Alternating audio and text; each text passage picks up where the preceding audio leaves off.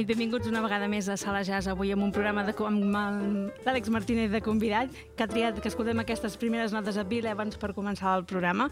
Avui ens hem anticipat una mica a l'inici de la Jam de Jazz des d'aquí, des de l'Espai Cultural i Gastronòmic del Tarambana, perquè hem pensat que tenia, teníem ganes de, de començar a aprendre coses. Àlex, quina selecció ens has fet avui? Fes-nos així un resum de tots els artistes que escoltarem. Uh, bé, hola.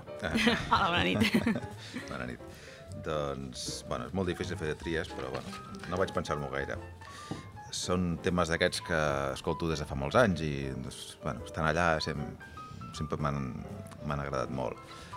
D'autors que, això, que m'han agradat molt, que m'agrada molt actualment.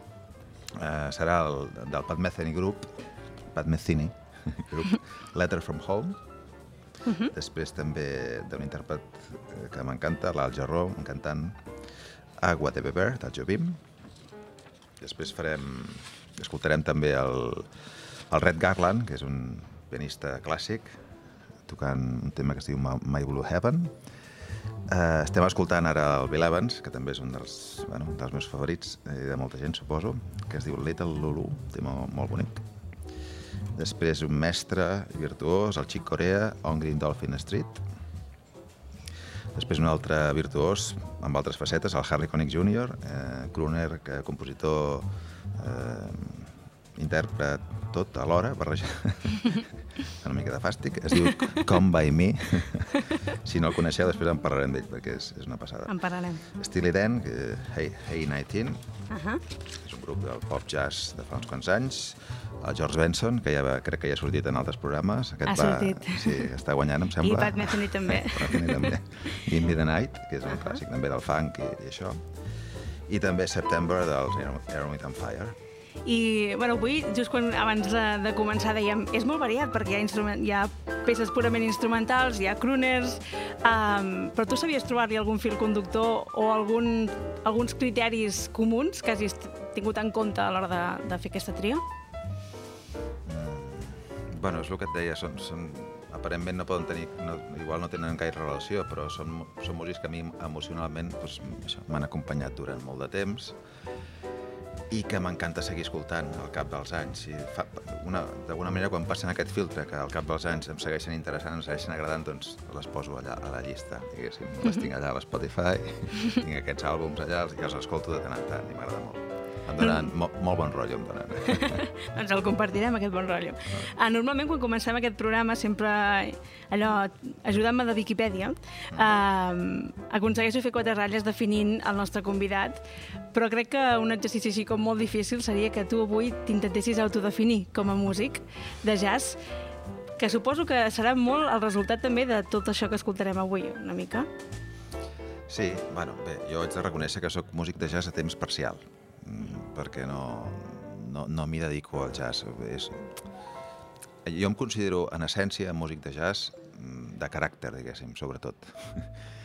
Però hi va haver un moment a la meva vida que, als 20 i pico d'anys, que, que em vaig adonar que, que no arribaria mai a tocar tan bé com a mi m'agrada escoltar les que toquen, no? I com que sóc molt autoexigent, vaig decidir fer una cosa més fàcil per mi, que és escriure música, composar i arranjar i aquestes coses. Llavors la faceta de tocar doncs, la tinc una miqueta, diguéssim, una cosa en segon terme.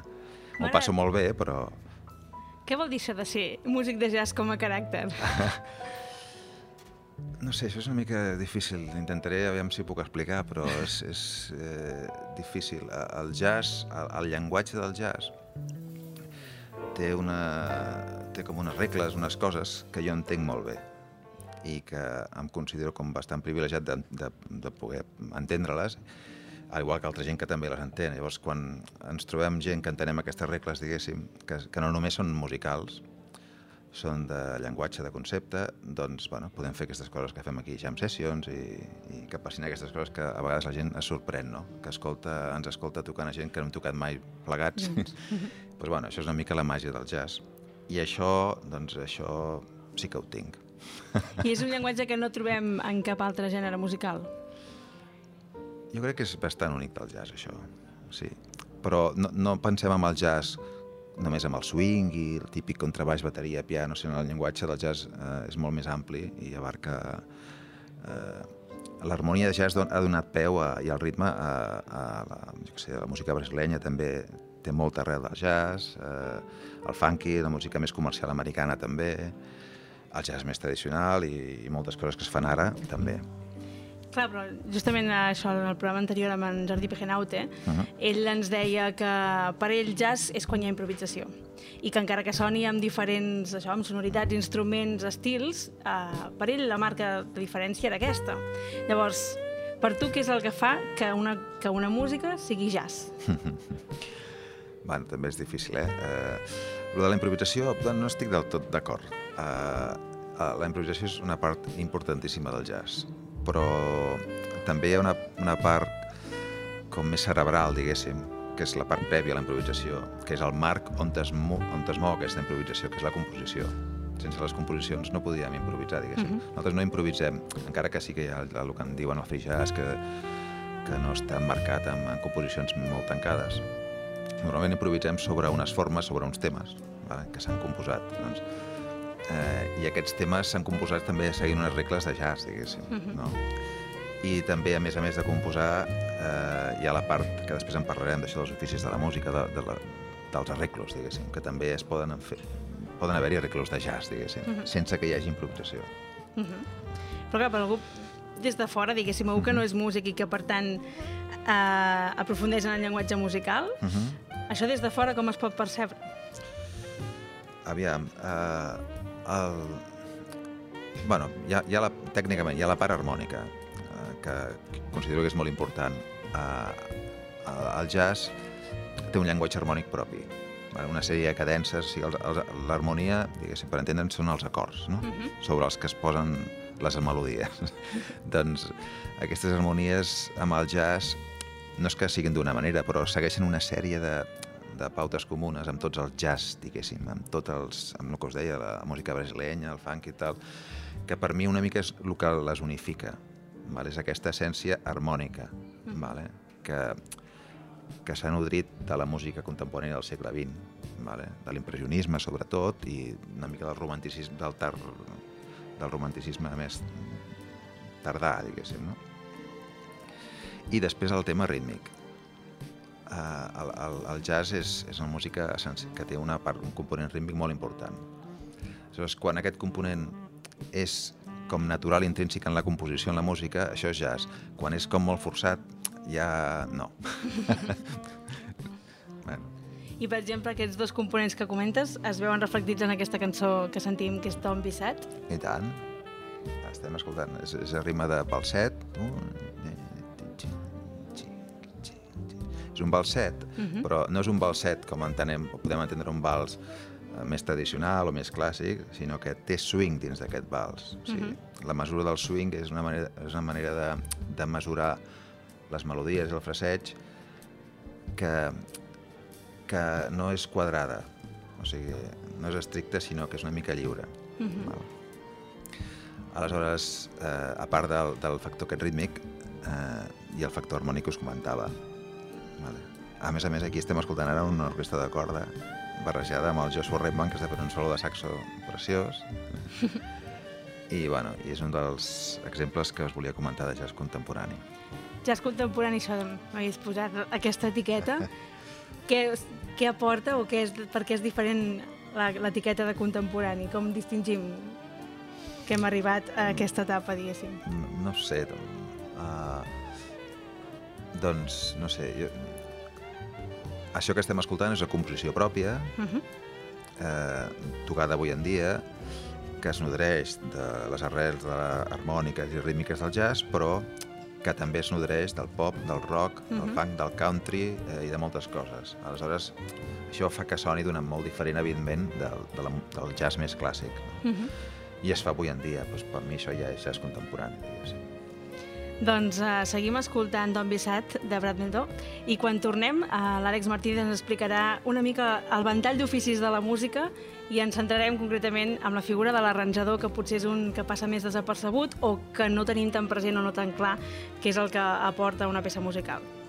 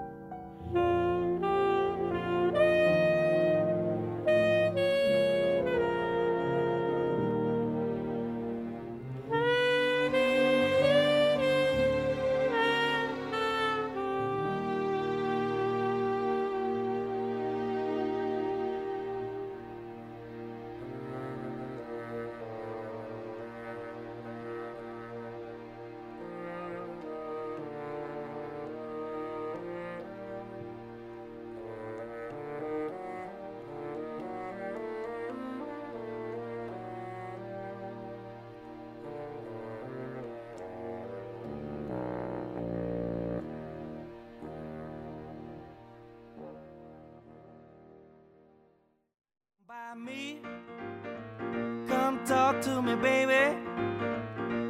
Tell me how we can combine.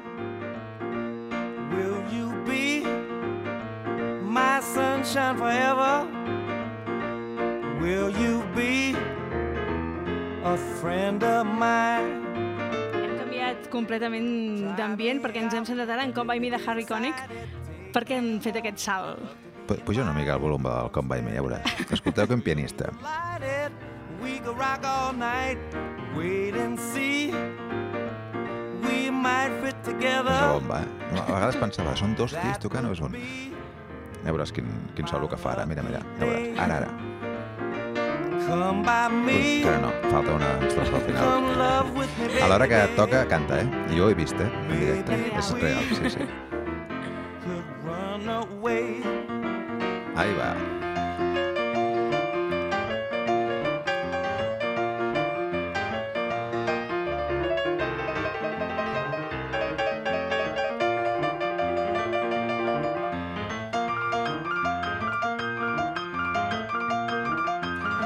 És un... No sé, per qui no el conegui, és un tio ros, guapíssim, actor de Hollywood. Fa molta ràbia. Tu t'has animat alguna vegada a cantar mentre toques o no? Val, això ho ha respost tot. Millor sentir en Harry Connick. No, però de fet, eh, faig classes de piano a l'ESMUC, en el màster de musicoteràpia, i en els alumnes és el que els faig fer, només això, tocar i cantar alhora. Per què? Què, què aporta això? No sé, perquè, és la, perquè la, jo crec que... No, però dins de l'àmbit de la musicoteràpia, la veu eh, té un poder que a vegades l'instrument no arriba, si no ets molt virtuós de l'instrument, emocionalment em refereixo. Aleshores ho compensen amb, amb afegint la veu, diguéssim. Només que posin uns quants acords amb el piano i cantin a sobre, uh -huh. poden transmetre i arribar més als pacients. I ara hi torna. Well, come by me. Bueno, però això és una Big Band, que és la seva Big Band, i ell és l'arreglista de la Big Band. Ell ho escriu tot. A part de que el tema seu el composa, ho arranja, toca el piano, fa els bolos, eh, fa pel·lícules... Eh, Estàs una mica enamorat o una mica rabiós? No ho sí, sé. eh? no, no, no, no, no, no m'encanta perquè trobo que és un tio que té un talent extraordinari. El que passa és que és, un, és molt showman, llavors molta gent del jazz doncs, deu pensar, "Vai, aquest tio, no sé què, però, però és un tio impressionant, és un musicàs, eh, té moltíssims discos, té discos a piano sol, té discos a trio, té discos amb, amb, amb una formació petita, amb big band, amb orquestra, ha fet musicals, ha fet discos de, de, amb, amb temes de Broadway preciosos, amb orquestra. Bueno, m'encanta. Si voleu buscar-lo... Acabo de fer un us Google i sí, que com a criteri femení diré que Ah. Sí, surt a moltes pel·lis d'aquestes de Hollywood, classe B+, diguéssim.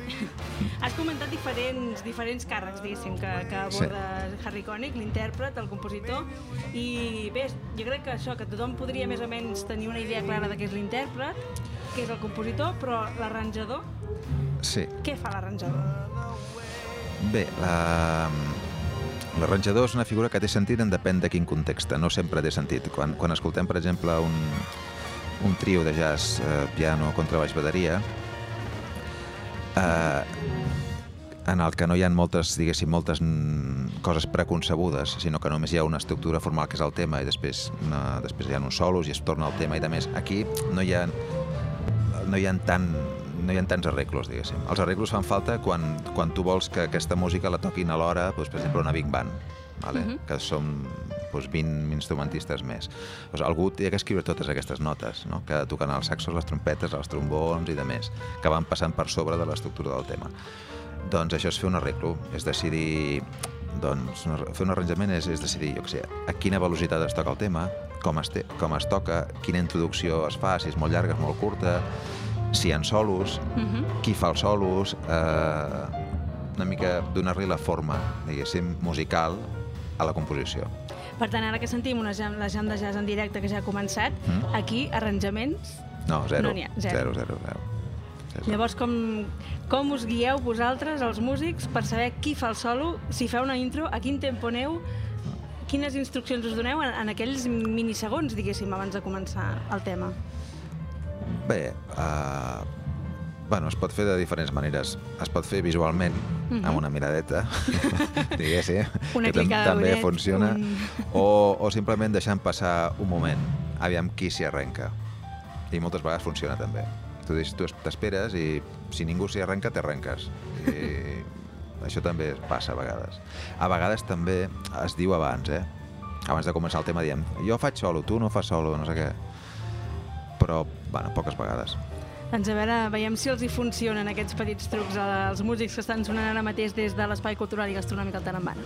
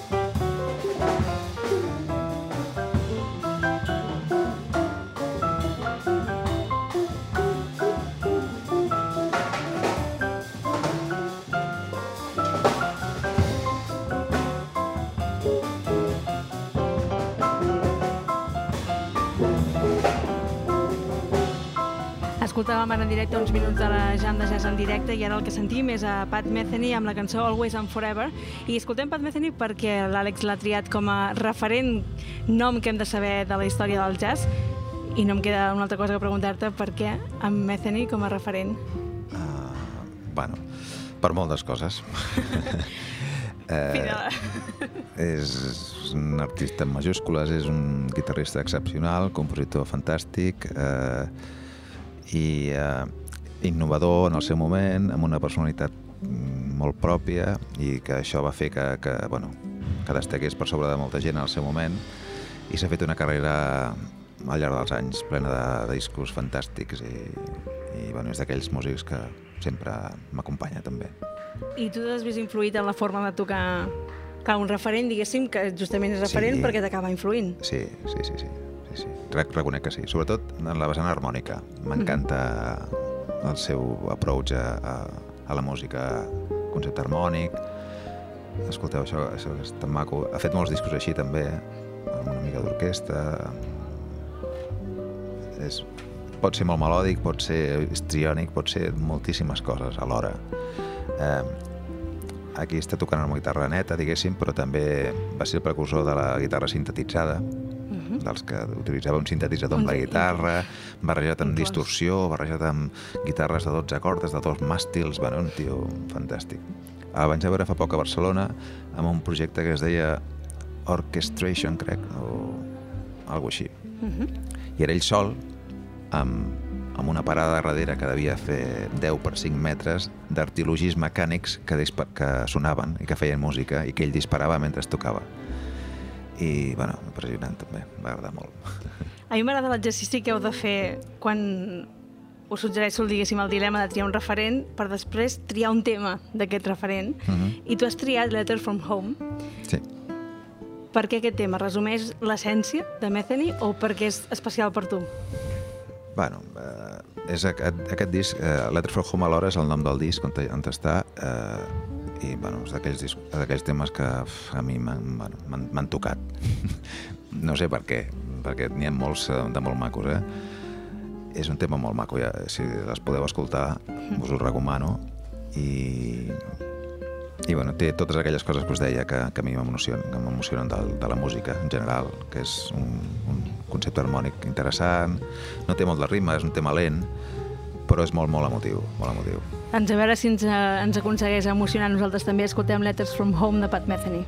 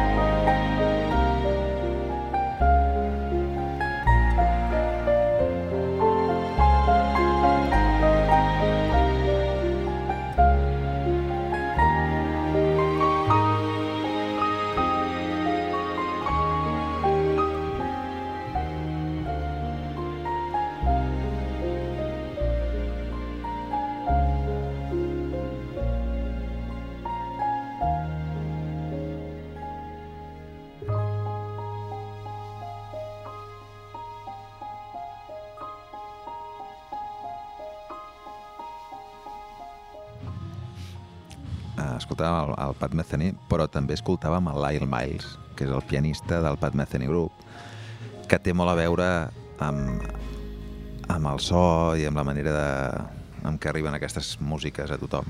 Eh, és, és un gran músic també. De fet, tot el Pat Metheny Group que, que són eh, bueno, el, els originals són el Lyle Miles al piano, l'Steve Robdy, el Robdy al, al contrabaix al baix, el Paul Vertigo a la bateria, després tenia a vegades la percussió el Pedro Aznar, i són un grups, bueno, són els inventors del que avui en dia es diu fusió, d'alguna manera, no? Um, durant el programa hem rebut un, un missatge, bé, de fet l'ha rebut l'Àlex Martínez, i no s'atreveix a compartir-lo, però ho faré jo. Diu, tens una veu preciosa i ets més guapo que en Harry Connick. I, de fet, amb la veu hem coincidit tots una mica. Jo crec que t'animem a tots a, a que facis aquest exercici de tocar i cantar alhora i t'atreveixis a ser el crooner de, de Cardedeu. em sembla que us en podeu empenedir del que està dient. Bé, aquí queda el repte. Si després de l'estona de jam, que quan acabem el programa et sentirem tocar, t'animes? Escolta, Em temo, em temo, que, em temo que avui no serà. No serà el no, dia. No.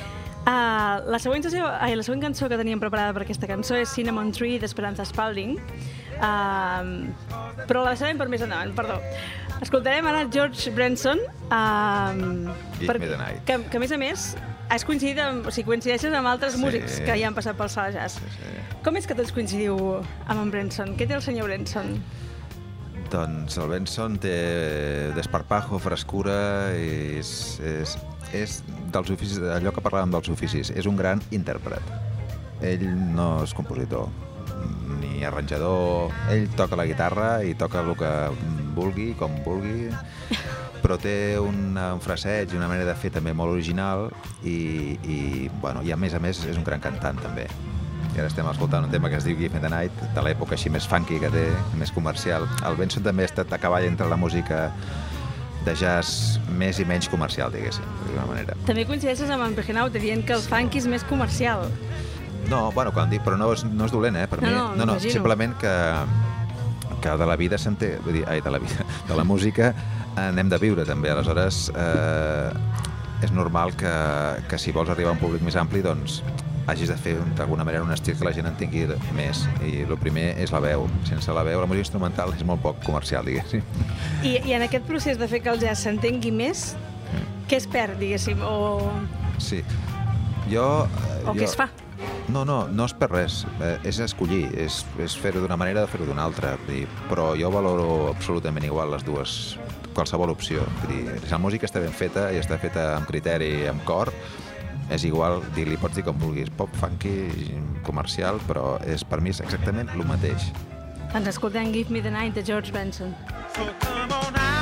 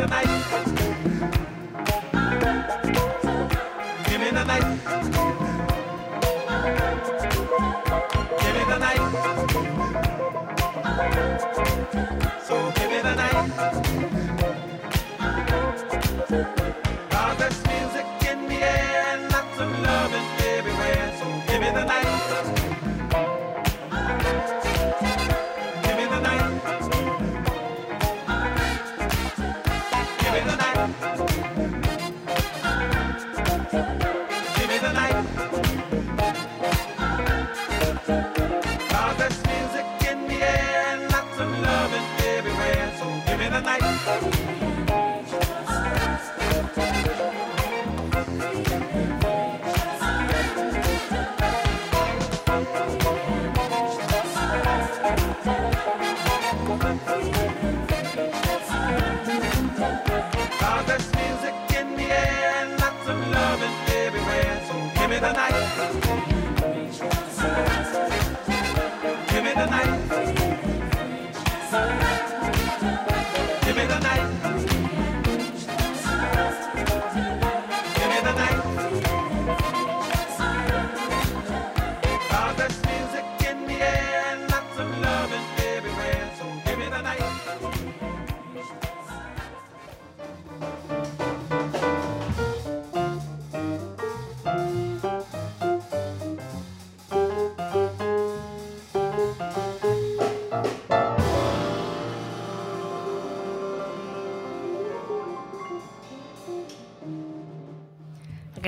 Les últimes notes d'un dels temes de la Jam de en directe. Seguim amb la selecció d'Àlex Martínez, que per cert eh, sabeu que la teniu disponible a Spotify al, a l'usuari de Sala Jazz, que us oferim doncs, això, unes sessions personalitzades pels nostres convidats de jazz.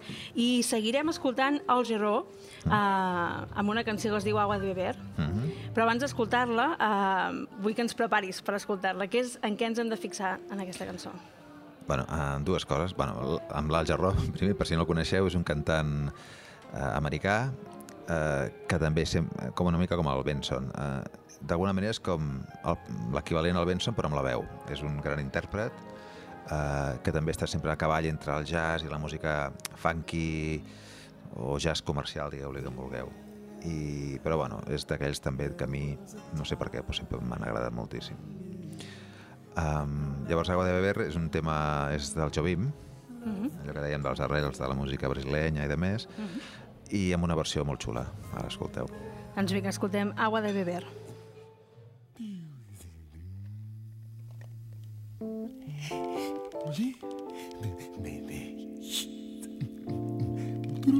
Your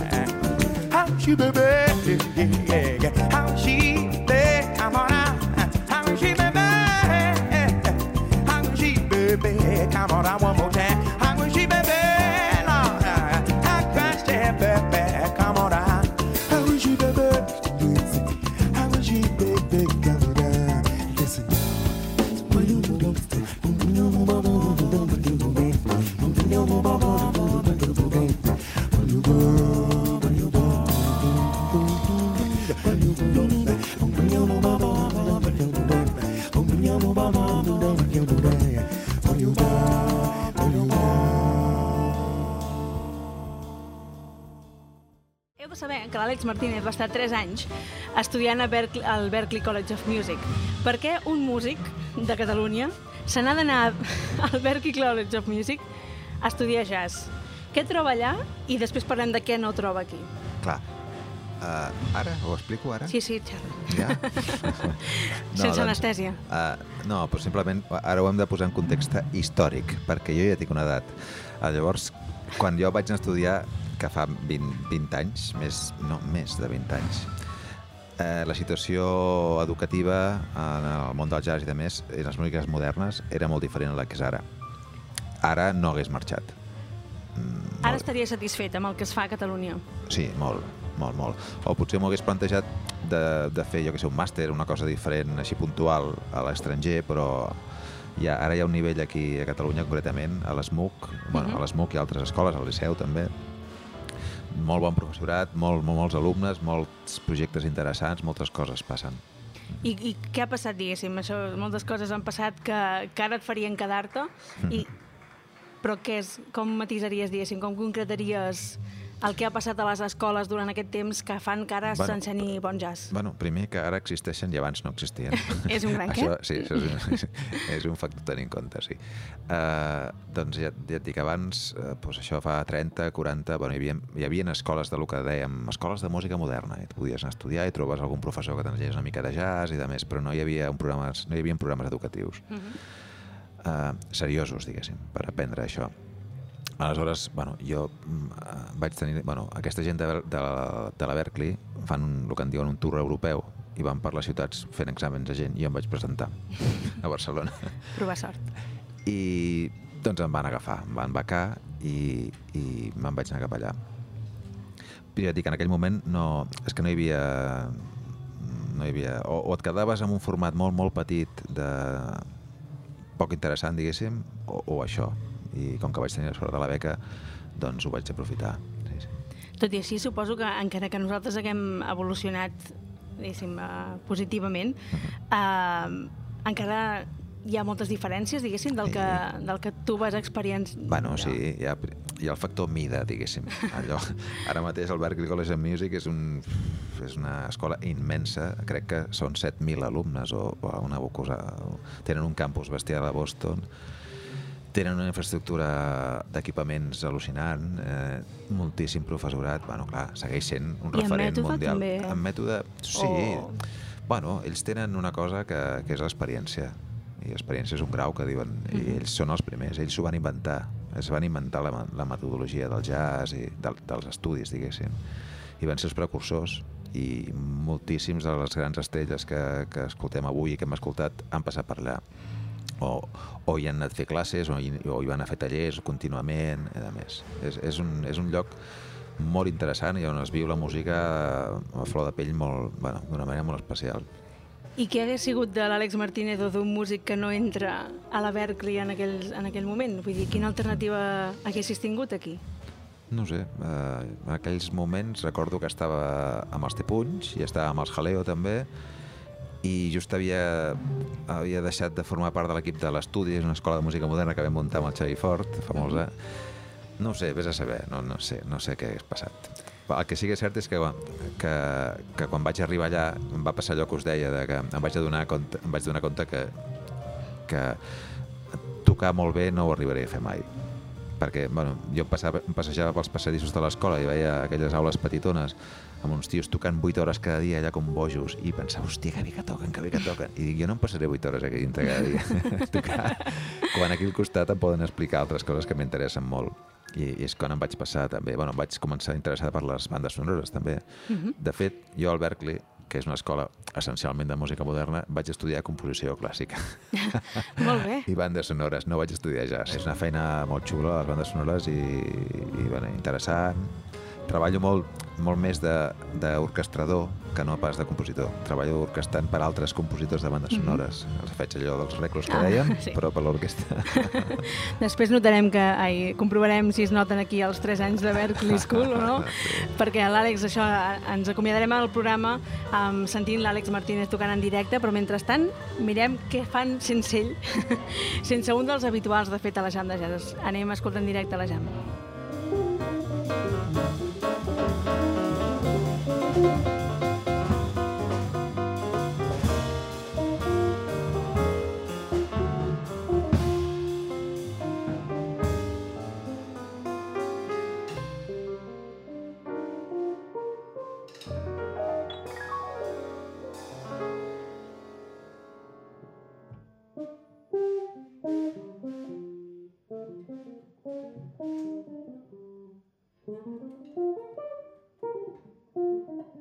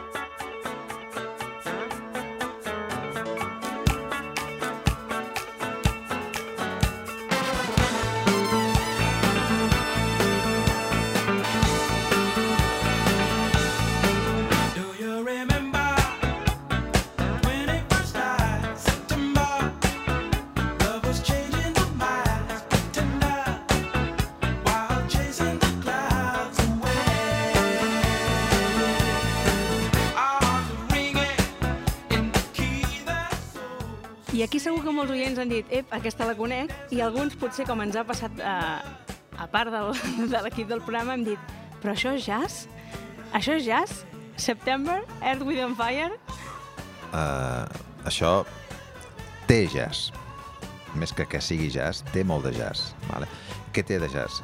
Doncs si veiéssiu la partitura, veuríeu els xifrat els acords que us comentava la, Mhm. el coixí harmònic. Tots els acords són acords, diguéssim, la majoria quatríades, amb tensions, que són propis de l'harmonia del jazz. Estic segur que els compositors són, venen del jazz, seguríssim, seguríssim. I a part hi ha el component rítmic, aquest, aquest dancing que porta, que també ve de les arrels del jazz. Aleshores té molt de jazz. És el que es deia del ritme. Aquest, aquest ballar tan natural és propi del jazz, també. Ve del jazz, diguéssim. I això és el que també alguns categoríem jazz més comercial, només pel fet de que Sí. és més comestible, per dir-ho així, o Sí. més senzill, no sé com... No sé Sí, quin adjectiu fer servir, la veritat. El que passa és que això per mi és, bueno, és una, una mica un error de concepte. O sigui, per mi tan difícil és fer aquesta cançó com fer una cosa que sembli aparentment molt, molt estranya o molt amb un format més eh, de trio, jo que sé, molt diferent. Però fer cançons així és molt difícil. I, bueno, és, mm, no sé, això té, aquesta cançó té alguna cosa que quan l'escoltes, no? I això és art, diguéssim. I això vol dir que Earth, Wind and Fire en general, les altres cançons, també hi ha elements de jazz o Sí, és un sí, cas sí. excepcional? Ah, No, no, no, no, no tot. Sí, sí, sí. El funky ve del jazz. O sigui, té moltíssim del jazz.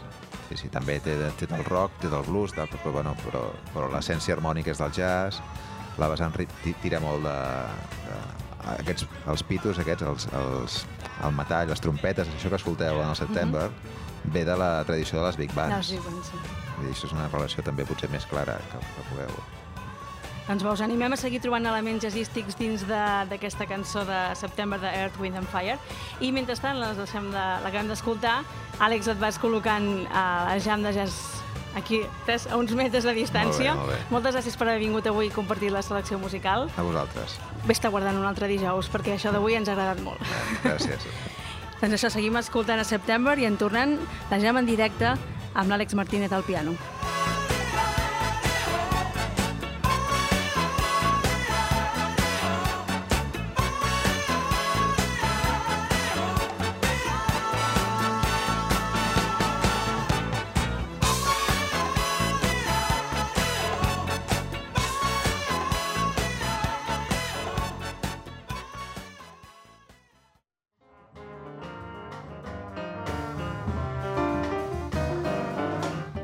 I escoltant la jam de jazz i esperant que l'Àlex Martínez prengui posicions al piano, ens acomiadem de la tercera càpsula de Sala Jazz. Un, moltes gràcies per haver-nos acompanyat. Gràcies, Pere, gràcies, Àlex, Carles, Ariadna i David per acompanyar-me aquesta nit. Fins a propera.